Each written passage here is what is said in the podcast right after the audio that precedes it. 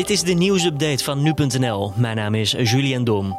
Brad Ravensburger, een republikeinse bestuurder van de Amerikaanse staat Georgia, zegt dat zijn partijgenoten hem onder druk zetten om de integriteit van de presidentsverkiezingen in twijfel te trekken.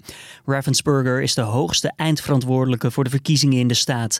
Hem is gevraagd na te gaan of het briefstemmen mogelijk ongeldig kan worden verklaard. Georgia stemt meestal voor de Republikeinen, maar bij de afgelopen verkiezingen won Joe Biden, die ook uiteindelijk de winnaar is geworden van de presidentsverkiezingen. In verschillende staten waar Biden heeft gewonnen, proberen de Republikeinen de ongefundeerde beschuldigingen van president Donald Trump over verkiezingsfraude hard te maken, in de hoop zo nog iets te veranderen aan de uitslag. Basisschoolleerlingen hebben tijdens de lockdown in maart vertraging opgelopen bij rekenen, spelling en begrijpend lezen.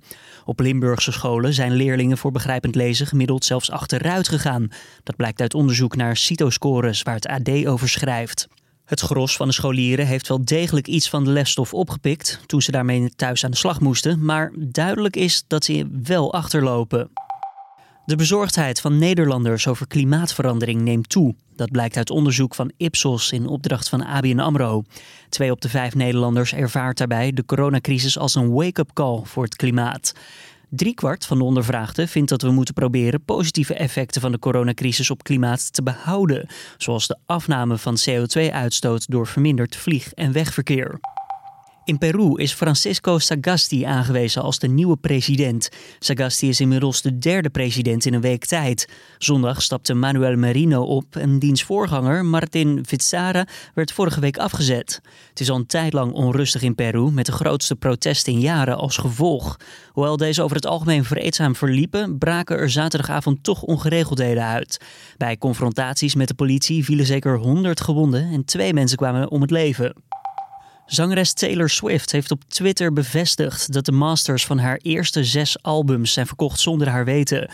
Wie de masters van een plaat bezit, bepaalt ook wat er gebeurt met een nummer of een album. Bijvoorbeeld of een track gebruikt mag worden in de reclame of een film en of de muziek ook op streamingplatformen beschikbaar is. Daardoor kan er veel geld verdiend worden met masters.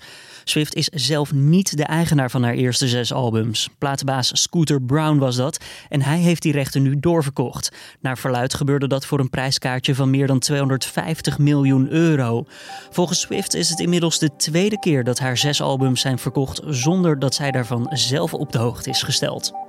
En dit was dan weer de nieuwsupdate.